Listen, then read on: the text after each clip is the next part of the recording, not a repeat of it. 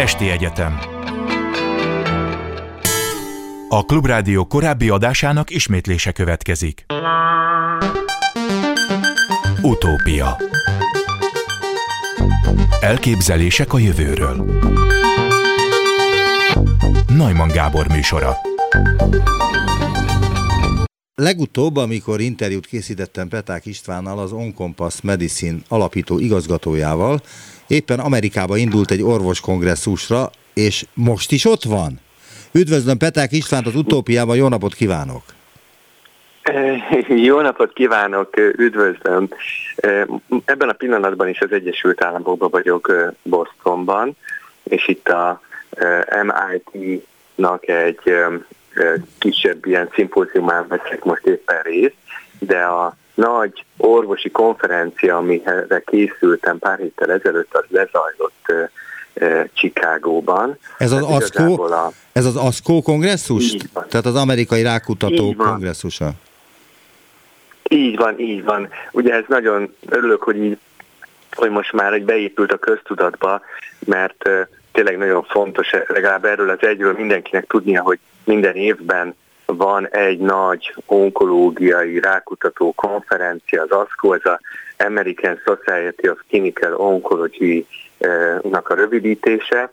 Ez tulajdonképpen az amerikai onkológiai társaság, de valójában a tagjainak több mint fele nem amerikai, tehát ez gyakorlatilag ez vált a világ legnagyobb onkológiai társaságával, és ez rendezi minden évben azt az éves konferenciát, amiben összegyűjtjük a, az az elmúlt egy év legfontosabb eseményét, illetve megbeszéljük, hogy merre tart a rákutatást az onkológia.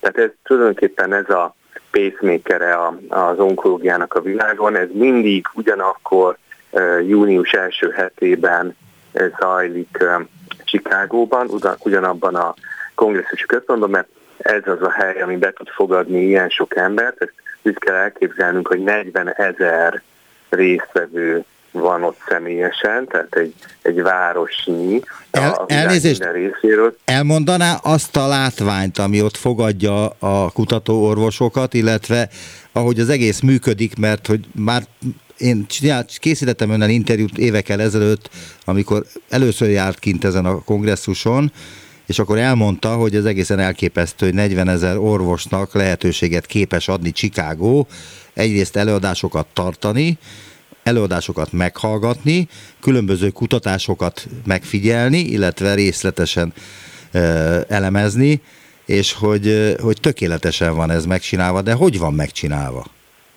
Igen, igen, tehát ezt úgy kell elképzelni, hogy amikor már a repülőgépről leszállunk, már a határátkelőnél is ki vannak rakva azok a táblák, amik üdvözlik ugye a, a kutatókat, onkológusokat, és az egész városban vannak ilyen hirdetések, és hát bent a, a, a konferencia központban ugye több tucat előadóteremben zajlanak párhuzamosan az előadások. Hát ugye vannak olyan előadók, termek, amik ilyen koncert termen méretűek, tehát nem is látunk el a, a pulpitusig, úgyhogy nagy kivetítőkön lehet látni a, az előadókat.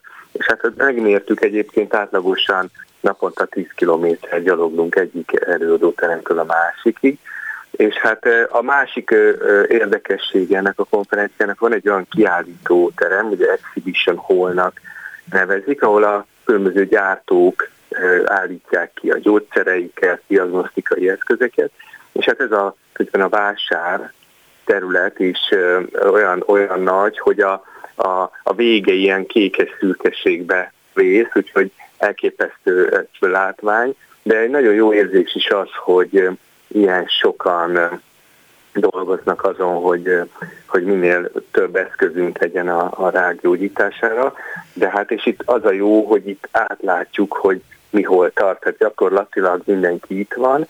Nagyon büszke vagyok rá, hogy mi is ö, ott voltunk, és egyébként a tudományos programban is részt vettünk, a saját kutatási eredményeiket is bemutattuk, másrészt pedig ezen a kiállításon is ott voltunk, tehát volt egy talpalatnyi föld, ami tulajdonképpen egy magyar cégnek a kiállító tere volt, ahol ezt a, a speciális mesterséges intelligencián alapuló szoftverünket mutattuk be elsősorban, de az els, egész precíziós onkológiai programunkat, tehát valójában ez volt az a hely, ahol tudtunk találkozni onkológusokkal a világ minden részéről, tehát ez egy csodálatos látvány, amikor ott a kis magyar stannál, a, a, ott ülnek egymás mellett a, az amerikai, az indiai, az üzbég, és akár francia onkológusok is beszélgetnek.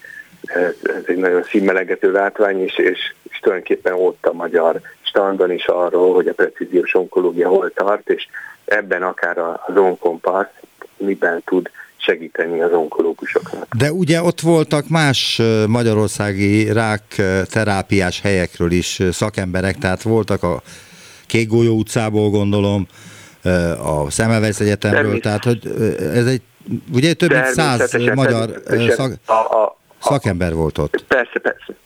Természetesen, tehát a onkológusok, rákutatók jönnek az ország minden Magyarországról többen is ott voltak, ők is ott voltak a standon, meg a Amerikában élő uh, magyar orvosok is. Uh, uh, ugye itt inkább az, hogy ami ugye a, a, talán a mi specialitásunk, hogy mi megkíséreljük azt, hogy olyan új technológiákat, orvosi eszközöket fejlesztünk ki, ami nem csak Magyarországon, hanem az egész világon érdeklődésre tarthatnak számot, úgyhogy ezért izgalmas az, amikor egy ilyen szándékkal megérkezik az ember, és meglátja, hogy mennyi versenytársa van, és hogy ezen a, ezen a porondon kell ugye valami újat bemutatnia, úgyhogy ez egy nagyon-nagyon izgalmas, ugye adrenalin növelő érzés. De ha már az adrenalin szintnál, ha már az adrenalin szintnél tartunk, akkor történt-e valamilyen forradalmi bejelentés a rákutatás terén Csikágóban most, 2022-ben? Mert ugye tavaly elmaradt a Covid járvány miatt. Igen. Tehát amit azt gondolom, hogy mindenkinek a, a szívét nagyon megdobogtatta, az, az a kutatási eredmény volt, amikor azt mutatták be, hogy a vastagbél daganatos betegek egy részénél, ahol a daganat, különösen a végbélnek a daganatainál, amikor elő, annyira előre haladott már a daganat a felfedezéskor, hogy, hogy meg kell műteni, és a, a, a beleket ki kell vezetni ugye a hasfalra, ugye Stánus Prének nevezzük, hiszen ha eltávolítjuk a daganatot a végbélnél, akkor ugye ezzel megszűnik ez a lehetőség ott, és ez egy Tulajdonképpen persze nagy eséllyel gyógyító beavatkozás, de mindenképpen az életminőséget nagyon rontja. És itt a betegek egy részénél kipróbáltak egy új immunterápiát, még a műtét előtt és a kemoterápia előtt, és kiderült, hogy a első körben 12-ből 12, majd mire a konferenciára sor került 18 betegből 18 betegnél, teljesen eltűnt a daganat a immunterápia hatására, tehát ilyet ritkán látunk ugye biológiában, orvoslásban, hogy száz százalék, de itt ugye száz százalék és teljes. Tehát ugye mi örülni szoktunk egy részleges zsugorodásnak is, vagy a tumornak, de itt kimutathatatlanná vált a, a daganat, és, és a kutatók is megdöbbenve álltak az eset előtt, hogy, hogy nem találják a daganatot egy De ott voltak, ez, sem. ott volt ez, a, a tíz betegről beszélt, mert tehát most hány... már 18. Tehát 18. Tehát már mire, mert az, igen, igen. Tehát 18 igen. beteg. Nagyon kevés, csak de ők ott voltak Csikágóban? A, Tehát, hogy kvázi az a, orvosok... Az előadók, az előadók ott voltak, igen, ugye ez egy úgynevezett late breaking abstrakt bejelentés volt, tehát az utolsó pillanatban adták be a jelentkezésüket, de a rendkívül izgalmas eredmények miatt ugye elfogadták, ez, ez egy külön kategória, és, és ott beszámoltak erről. Hát itt ugye arról az nagyon fontos tudni, hogy maga a mechanizmust már korábban is ismertük, tehát a,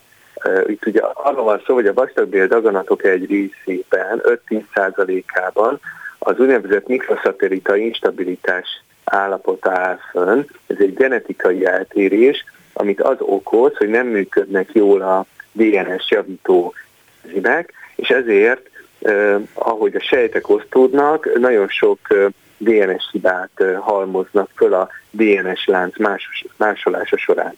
Ami, és emiatt, mivel hogy nagyon sok a hibás gén, ezek nagyon immunogénné teszik a daganatot, tehát nagyon sok hibás fehérje halmozódik fel, amit az immunrendszer ugye könnyedén felismer, ami ellen ugye a daganat úgy védekezik, hogy termel egy, egy speciális fehérjét, ezt a PDL1 nevű. Elnézést, egy pillanatra félbeszakítom, hogy igen? ez igen? az, amit talán három évvel ezelőtt svéd orvosok Nobel-díjat is kaptak érte?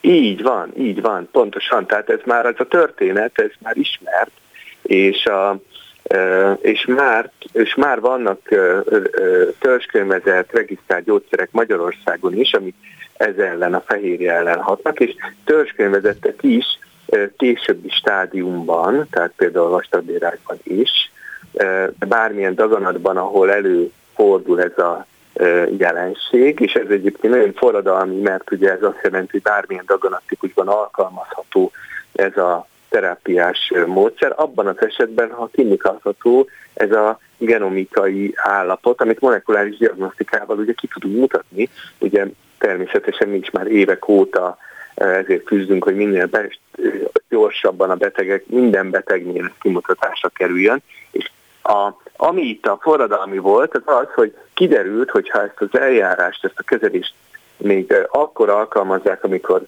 nem vált áttétessé a daganat, csak helyben van, tehát még nem akkora, akkor még sokkal átütőbb a hatása, mert korábban is nagyon ö, hatásos volt ez a terápia, tehát zsugorította a daganatot, de az, hogy teljesen eltüntesse, az már nagyon nehéz, amikor nagyon kiterjedt a daganat. Itt ugye a, a kutatóknak az volt a bátorsága, hogy egy ilyen, hogy még a kemoterápia és a, a sebészi előtt megkezelték a betegeket. Ugye most nagyon izgalmas kérdés az, hogy mennyire lesz tartós ez a kezelés, de mindenképpen azt nagyon fontos látni, és nagyon fontos tudni az onkológusoknak, sebészeknek, hogy egyébként ez a célzott immunterápia ennyire hatásos tud lenni a betegeknek ebben az 5-10 százalékában, ahol ez a molekuláris eltérés jelen van. Tehát az a, ennek tulajdonképpen a take-home message vagy az Jó, de most itt lecsapnék hogy... erre, hogy a betegek 5-10 százalékát említette, tehát nem mindenkire érvényes ez, akiknek végbél daganatuk van, hanem csak az 5-10 százalékukra. Így van, tehát ugye azt kell tudni, hogy a, a, ezek a molekulárisan célzott gyógyszerek, immunterápiák, ugye ezeket személyre szabottan, precíziósan kell alkalmazni, és minden betegnek ugye más stratégia a legjobb. És, és valóban a vastagbél daganatokban is nagyon sok molekuláris célpont van, tehát vannak más célzott gyógyszereink is, de, de, de azt más betegnek kell adni. Tehát azt, hogy el tudjuk dönteni rögtön, mi a legjobb terápiás stratégia a, az első ponttól kezdve, ahhoz szükségünk van arra az információra, hogy az adott betegnek, a daganatának mi a molekuláris háttere. Világos. Al csoportba tartozik, és sőt, hogyha még gyorsan még ezt elmondhatom, hogy ami még itt izgalmas, ami az kicsit már a jövő, és a mi megoldásunk felé tart, az az, hogy most már olyan sok célzott gyógyszer van, meg immunterápia, hogy előfordulhat az is, hogy egy betegnél több célpont is jelen van, hiszen tudjuk, hogy a, valójában ezek a molekuláris eltérések kombinációi vannak minden egyes beteg esetén, akár 4-5 génhibának a kombinációja és molekuláris eltérésnek, és, és pont a, a mi, például a mi fejlesztésünk azt célozza, hogy egy adott beteg esetében segítse az orvost eldönteni, hogy ezek közül melyik a, a leg, legjobb választás, és minden egyes terápiás vonal esetében a, a már elérhető célzott gyógyszerek közül még, mégis melyiket kellene inkább választania, annak ismeretében, hogy mi a beteg egyedi molekuláris biológiai háttere. És ezt Magyarországon alkalmazzák már? Igen, tehát ugye ez elérhető Magyarországon, úgy is, hogy a molekuláris diagnosztikai vizsgálattal együtt, és úgy is, hogyha már a betegnek van molekuláris diagnosztikai vizsgálati eredménye, akkor ugye annak alapján tudunk ezzel a szoftverrel elemzést végezni az orvosok számára. Nagyon sok partnerorvosunk van, itt Magyarországon is, külföldön is, tehát például, amire nagyon büszke vagyok, hogy hogy fölkértek az ASCO után egyik, egy Best of ASCO előadójának is. Ugye ezt az ASCO hivatalosan szervez sok helyen a világon egy olyan utókonferenciát, ahol a legfontosabb eredményeket a többi, azoknak az onkológusoknak bemutatjuk, akik nem tudtak eljönni. Például egy ilyen konferencia volt most a hétvégén Kolozsváron. Ott van egy olyan ASCO akreditált kórház, aki engedélyt kapott ennek a megtartására, és, és nemzetközi amerikai előadókkal együtt érkeztem én is, hogy ott a, a helyi onkológusoknak el, elmondjuk, hogy mi történt az ASCO-n. És, és a, a, a, tehát, hogy nagyon erős együttműködések vannak, ugye nem csak Magyarországon, hanem a környező országokban, és hát ugye nem véletlenül vagyok Bostonban sem most ebben a pillanatban, hiszen a, az ambíciónk az az, hogy egyébként azt a speciális orvosi eszközt, ezt a tulajdonképpen a, talán egy, egy nevezhetjük forradalminak is, illetve hát Ursula von der Leyen elnök asszony forradalminak nevezte, és talán most már én is megengedhetem magamnak, itt az Egyesült Államokban is elérhetővé tegyük az onkológusoknak. Um, azt akartam kérdezni, de válaszolt is rá, holott nem ezt kérdeztem, hogy milyen gyorsan ér Európába, illetve Magyarországra például ez a terápia, illetve a rákterápiák, de ezek szerint a, azonnal bizonyos helyekre, nem? Hát maga a, az információ az, az itt van. Ugye az, hogy egy adott terápia mikor válik finanszírozottá, vagy egy diagnosztikai eljárás, vagy akár egy ilyen mesterséges intelligencia alapú digitális eszköz, az ugye az egy másik kérdés, tehát az, az akár több évet is igénybe vehet, mire a társadalombiztosítás befogadási folyamata lezajlik, és, és, és így bekerül a közfinanszírozott ellátási rendszerbe. Ez ugye ez így van, nem csak Magyarországon, hanem környező országokban is. Hát ugye mi ezért harcolunk, mert mi azt gondoljuk, hogy a, a betegeknek hozzá kellene férni a tudomány által biztosított legújabb eszközökhez azonnal. Erre... Természetesen egy, egy nehéz dolog. Akkor e- erre kérdezzék valamint, mert most nagy sikerrel számolt be a Semmelweis Egyetem, hogy beszereztek komputeres ilyen sebészikéseket, tehát komputeres Igen. műtéteket tudnak majd végezni, de hát ezt már legalább tíz éve be kellett volna vezetni. Tehát a környező országokban körülbelül tíz éve már elindult ez a számítógépes sebészet, Magyarországon meg most. Igen. Tehát, hogy ehhez mit szól, Igen. hogy mennyire vagyunk itt lemaradva a szomszédos országokhoz képest, azt nem is kérdezem, hogy Amerikához képest. Igen, hát nyilván nagyon örülök. Tehát, tehát nagyon, Mármint nagyon annak, örülök, hogy van ilyen sebészet Magyarországon. Va, igen. Most igen, már, igen, igen, most tehát, már. Ez eljutott. Igen, ez a robot. Igen, igen, ez az egyik szemem nevet, hogy ez tényleg most már elérhető, és örüljünk neki. Nyilván én is azt gondolom, hogy még jobb lett volna hamarabb.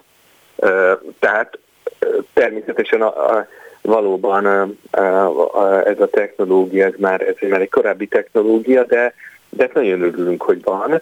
Tehát ugye próbálok itt pozitív lenni, de, de valóban, ugye, mint kutatóorvos, a, a, a természetes a frusztrációm, hogyha azt látom, hogy évek telnek el attól, hogy egy innováció Világos. megszületik, és eljut a... De de hadd kérdezem meg, hogy, hogy a robotsebészet az a különböző rák betegségeknél is alkalmazható, és jobb, mint a nem robotsebészet? ugye az én, én ugye nem vagyok sebész, de amennyit én erről tudok, hát nyilván vannak olyan speciális szervek és olyan speciális műtétek, ahol különösen előnyös a robotkéz, hogy nagyon precíziósan tudja ugye például a prostata daganatokat műteni is, hogy mert ez egy nagyon kényes műtét, hogy a, a nagyon fontos idegekről ugye leválassza e, pontosan a daganatot, hogy kevés legyen a mellékhatás szövődmény. Tehát vannak bizonyos, és hát ugye azt kell tudni, hogy a, a robot sebészt is a sebész irányítja, tehát ezt ennek meg kell tanulnia, hogy kell alkalmazni, és elsősorban nem az a cél, hogy le, lecserélje a sebészt, hanem, hanem egy, meghosszabbított karja, és ezáltal ez egy újabb, olyan, mint egy meghosszabbított szike, csak ugye egy robotkar van mögötte, amit irányít a sebész, és, és egy sokkal finomabb mozgásokra képes. Ugye ez nagyon fontos. Ez Meg hát elnézést, mondani, mi mesterség, igen. csak az, hogy jobban is látja a sebész, hogy mit műt, mert ugye nagy képernyőn látja tízszeres nagyításban azt, amit egyébként műtéti körülmények között vagy lát, vagy nem lát.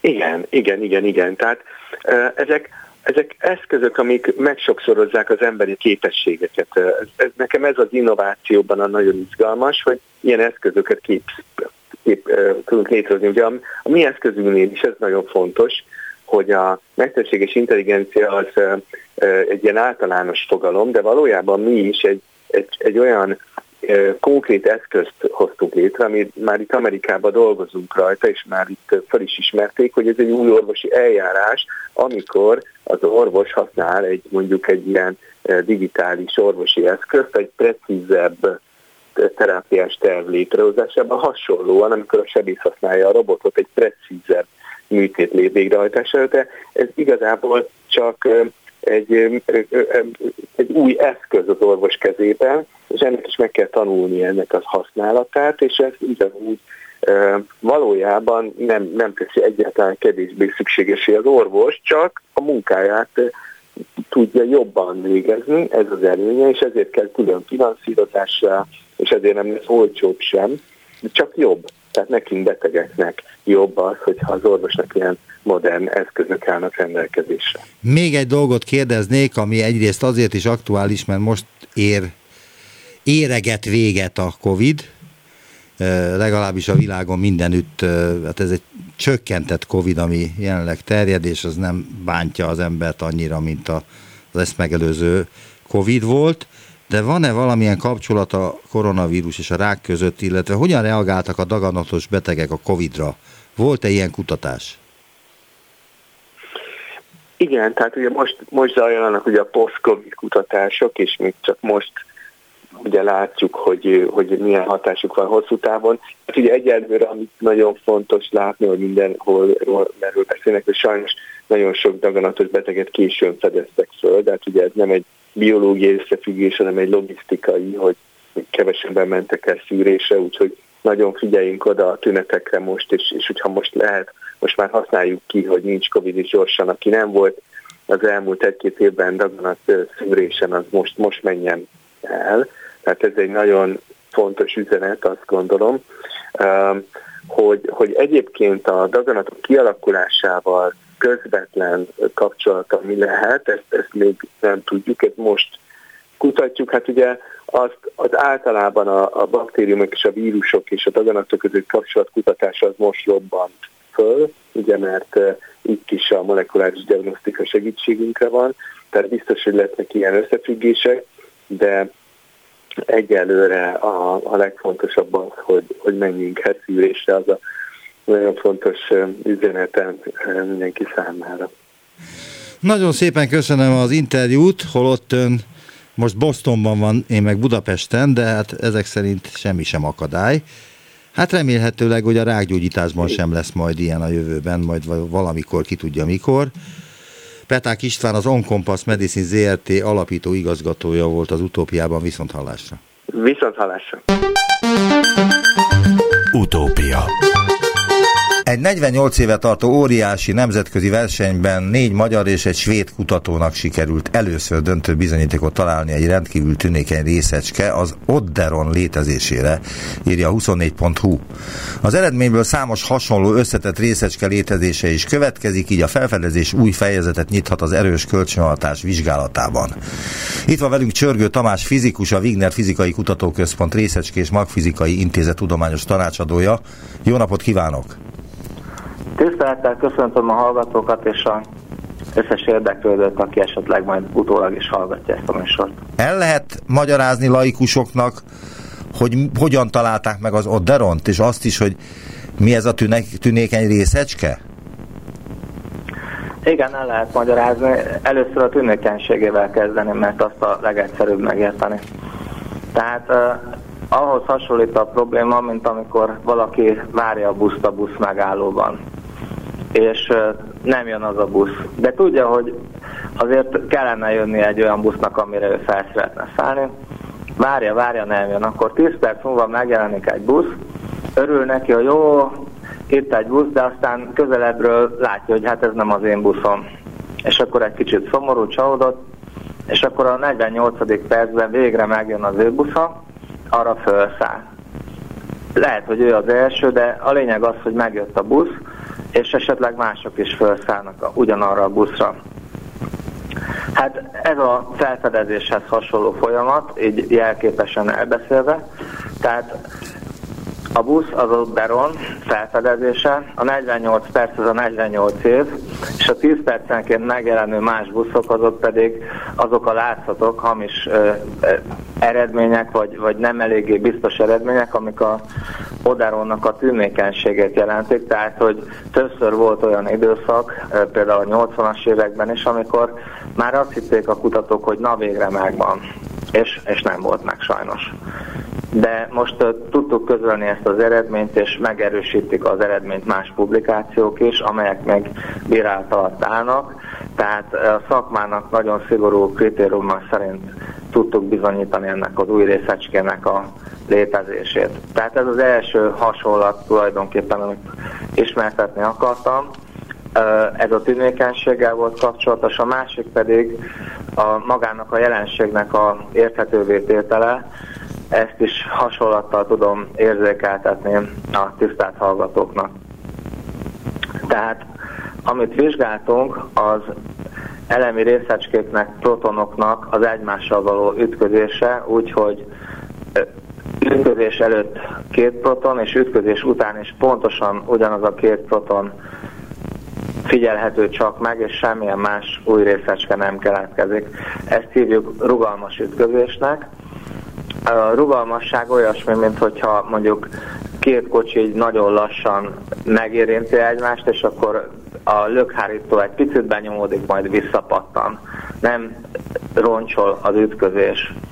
Autóknál ez csak nagyon alacsony energiákon figyelhető meg, de mondjuk vannak ilyen egymáson pattogó golyók, vagy mondjuk a biliárdnál ott a rugalmas ütközés a tipikus. Tehát a, a érdekesség a protonoknak és a nagy ütközéseknek az az, hogy minél nagyobb az ütközés energiája, annál nagyobb a rugalmas ütközések aránya. Tehát ez jelenleg a világrekord energiákon, amit a nagy hadron ütköztetőben érünk el, ez több, mint az ütközések egy negyede. Autóknál ez ugye pont fordítva van, gyakorlatilag a mai autók olyanok, hogy minimális ütközés után is már roncsolódnak, tehát, tehát minél nagyobb az energia, annál annál nagyobb a roncsolódás, de pillanatok alatt totálkáros lesz az autó egy karambolban. Itt az a helyzet, hogy a protonok olyan autóknak felelnek meg ebben a képben, amelyek minél nagyobb energiával ütköznek, annál kevésbé roncsolódnak. Tehát ez egyik ilyen furcsa tulajdonság a részeske fizikában, ez egy ilyen kvantumfizikai effektus. A másik az, hogy az oderon cserét úgy lehet elképzelni, egy, egy másik hasonlattal élve, mint az autóvásárlásnál a cserét. Tehát ugye van egy ilyen hasonlat, hogy mondjuk az egyik protont elnevezzük Péternek, a másikat Pálnak.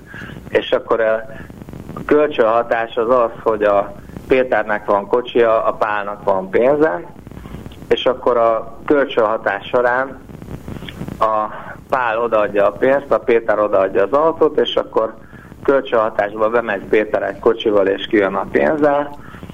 A Pál bemegy a pénzzel, és kijön a kocsival.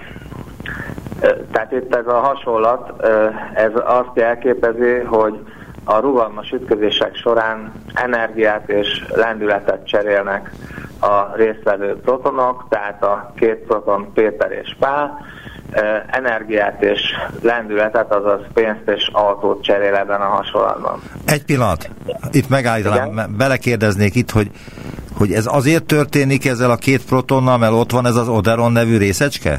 Nem, nem, nem. Még az Oderont szeretném elmagyarázni, mint egy Világos. különbséget.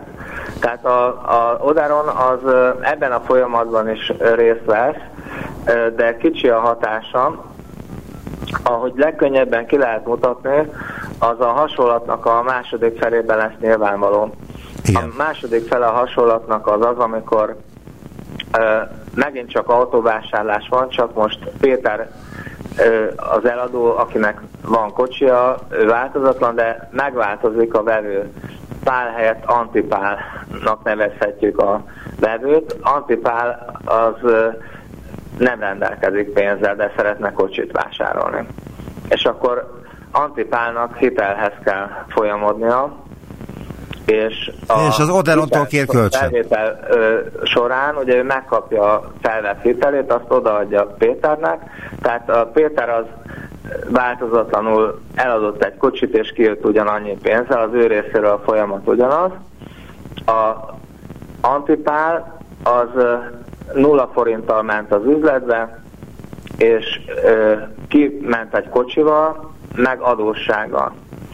És hogyha a pénzt ö, kamat nélkül tudta volna felvenni, akkor a végén megadja a kocsi árát, és akkor ez a folyamat ugyanolyan lenne, mint amikor a Pál és a Péter ö, üzletelt. Tehát a két proton, az a Pál és a Péter, és a antiproton proton, az pedig az antipál és a Péter. És a két üzlet között van egy nagyon lényeges különbség, az, hogy az antipálnak a hitelre kamatot kell fizetni általában. És számokkal nagyon egyszerűen lehet ezt érzékeltetni, hogy mi az, amit észleltünk. Tehát mondjuk, ha valaki vesz egy autót 3 millió forintért, és bemegy az OTP-hez kölcsönért, mondjuk felveszi 7 vagy 8 évre, és a végén, hogyha általános feltételekkel kapja meg ezt a kölcsönt, akkor mondjuk egy olyan 17% körüli kamatot kell fizetnie, és akkor a végén mondjuk 7 vagy 8 év alatt visszafizet 5 millió forintot.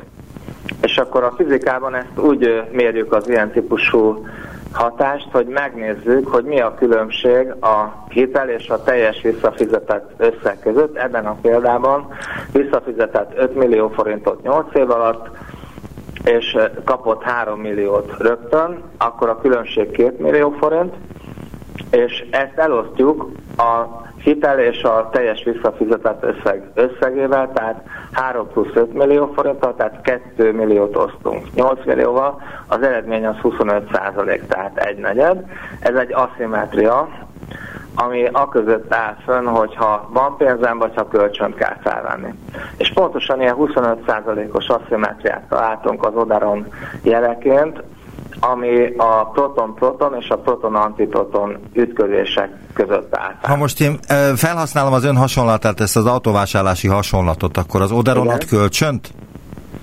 Tehát az Oderon a kamatnak felel meg. A Péter, a proton, a pál is proton, az antiproton, az antipál, az energia, a pénz, a kocsi, a lendület, és a kamat, amit a kölcsönért kell fizetni, az felel meg az Oderonnak.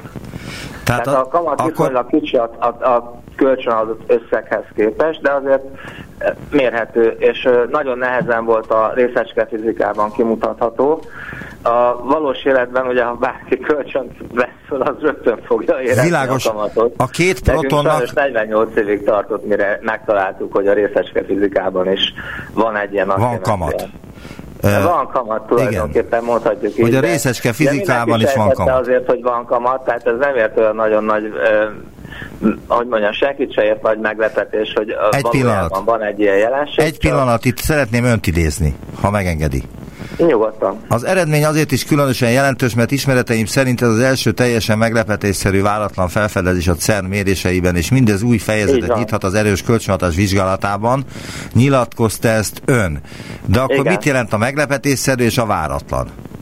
Hát ezeket úgy lehet érzékeltetni, hogy tehát mindenki sejti, hogy például majd jön az ő busza is. Ott áll türelmetlenül a busz megállóba, az előző hasonlatban ugye 48 percig vár a buszra, közben jönnek, mennek a buszok, és a váratlanság az ebben az értelemben azt jelenti, hogy, hogy nézem, hogy ó, jönne már az én buszom, és akkor egyszerűen egy teljesen meglepetésszerű új helyről, egy új, új irányból egyszer csak megjelenik az a busz, amire vártunk. Tehát itt arról van szó ilyen értelemben, hogy a LHC gyorsítót a Higgs bozonnak a felfedezésére építették, és arra, hogy a standard modellen túli új fizikának a jeleit esetleg felfedezzék vele, de biztos volt az, hogy a Higgs bozont szeretnék vele azonosítani, és a Higgsnek a tulajdonságait is meg tudják vizsgálni.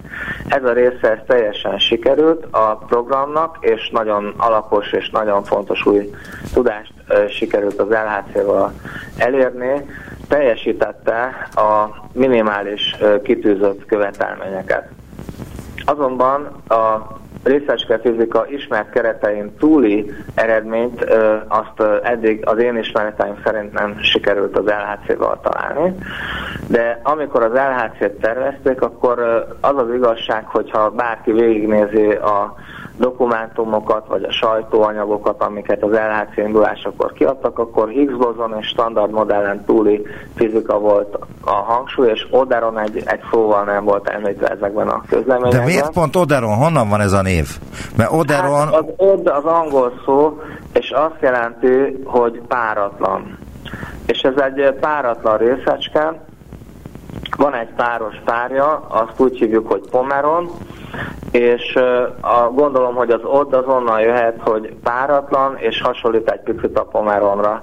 De pontosan nem tudom, mert az az igazság, hogy amikor ezt az elnevezést kitalálták, akkor én még valószínűleg általános iskolába jártam, és nem követtem a szakirodalmat. Most próbálok azért egy kicsit utána nézni ennek, de tehát az az igazság, hogy ez nagyon-nagyon régi publikációkban is már szerepel. Tehát, a, tehát akkor mondja meg nekem, hogy ez... hogy ez egy ilyen ö, dolog, hogy el kell valahogyan nevezni, és ez egy jó név lett, és ráragadt valahogyan. De azt mondja meg nekem, legyen szíves, hogy mi történt 1973-ban, ami kvázi fordulópontot jelentett? Két fizikus, az egyiket úgy hívták, hogy Baszarab Nikolászkó, a másikat pedig úgy, hogy Lesek Lukasek, vagy pontosabban valamilyen ehhez hasonló lengyel név, mindjárt megnézem, tehát ők javasolták, hogy nem csak a pomeron létezhet, hanem a, ez egy páros részecske bizonyos értelemben, tehát le, le, talán jól ejtem ki a lengyel nevet, Lesek Lukasuk És Baszarab Nikolászku volt az a két fizikus, akik javasolták azt, hogy mivel az akkori adatok emelkedő proton hatáskeresztmetszetet láttak szakkifejezéssel, ez lehetővé tette azt, hogy, hogy egy páratlan részecske is közvetítse ezt a kölcsönhatást.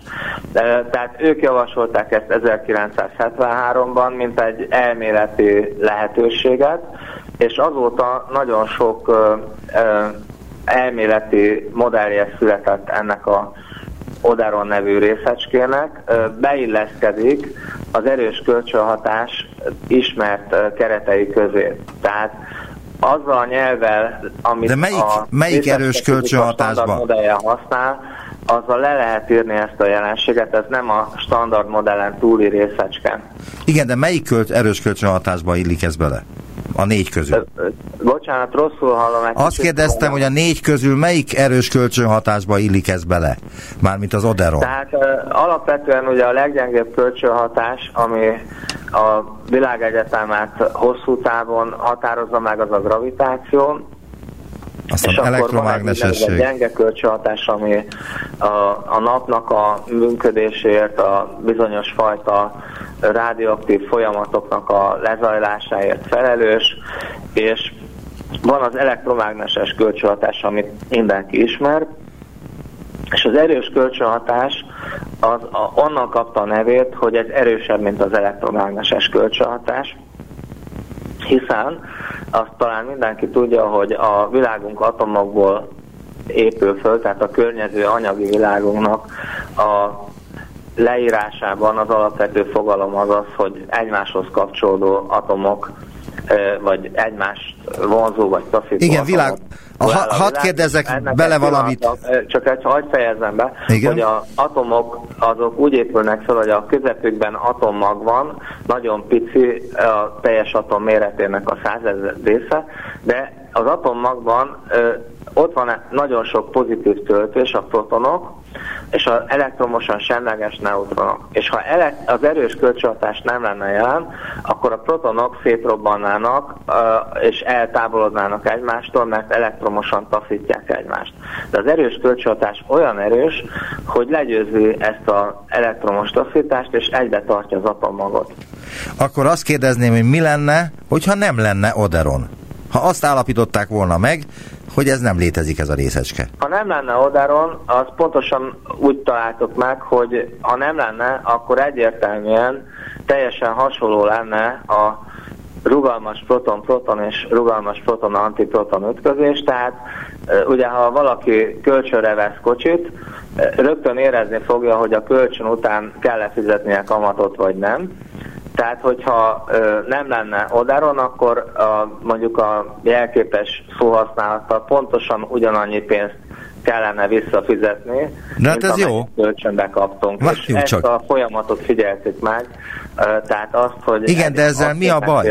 Az nem nulla, hanem kb. 25 százalék. Igen, de ezzel mi a baj? Tehát, hogyha nem kell kamatot Semmi fizetni, baj, annak örül az, az ember. Az a, a, ennek örülni lehet, azért, mert ez az odaron, ez egy teljesen új típusú részecske. Tehát a, éppen tegnap egy kicsit rákerestem, hogy a LHC gyorsítónál körülbelül 50 erősen kölcsönható új részecskét fedeztek fel eddig, de ez az 50, ez mind olyan típusú, mint a proton és a neutron, tehát ez színes és úgynevezett kvark-szerű alapkő részecskéknek kvarkokból és antikvarkokból alakuló színes részecskéknek a fehér színű kötött állapota.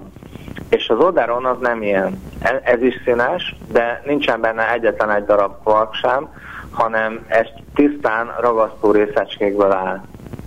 Tehát füstkarikákat már gondolom mindenki látott, lehet füstkarikát csinálni a füstből, de fényből például nem lehet karikát készíteni, mert a fény az nem hat saját magával kölcsön, az csak a töltésekkel hat kölcsön.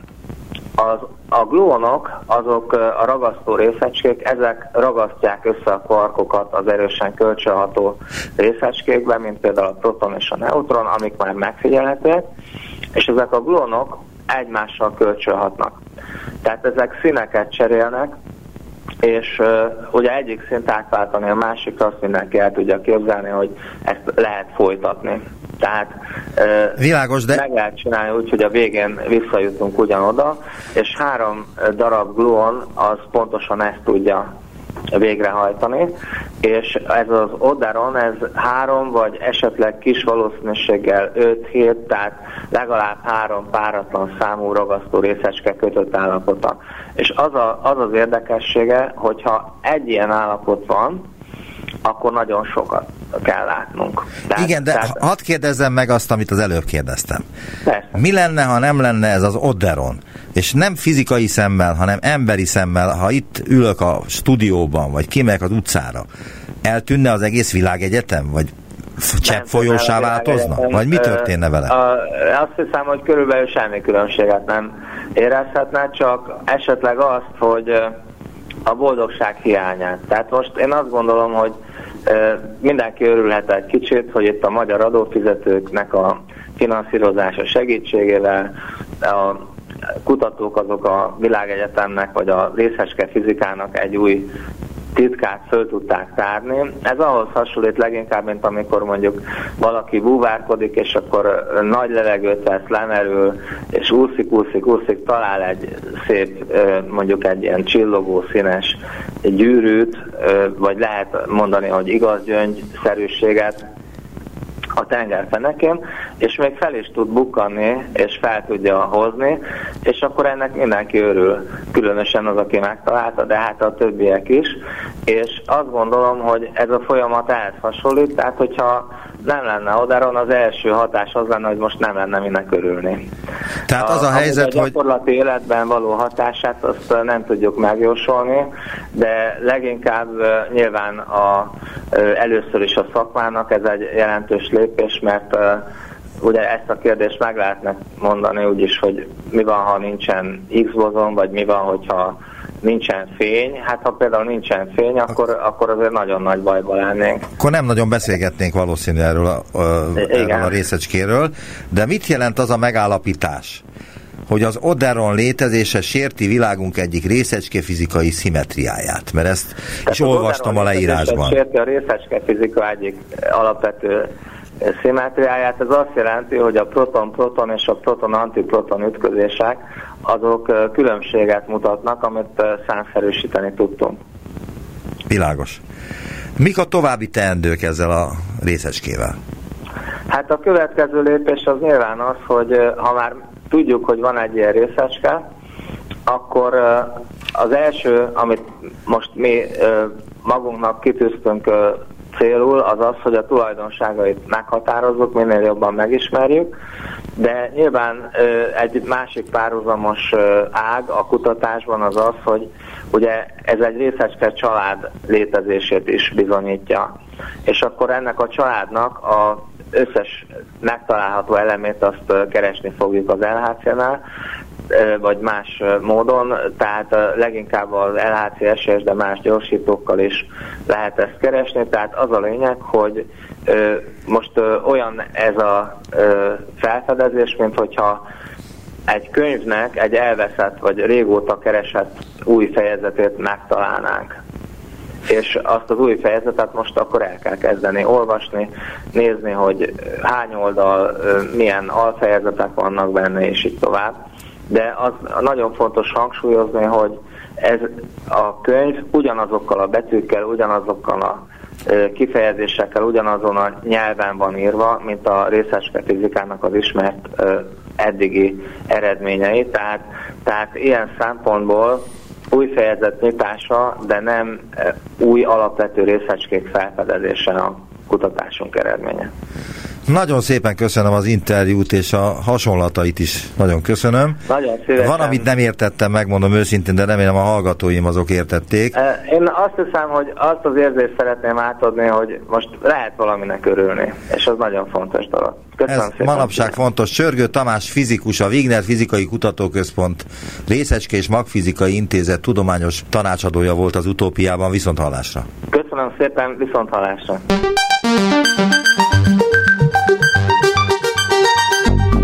Visszaértünk a jelenbe. Neumann Gábor utópia című műsorát hallották.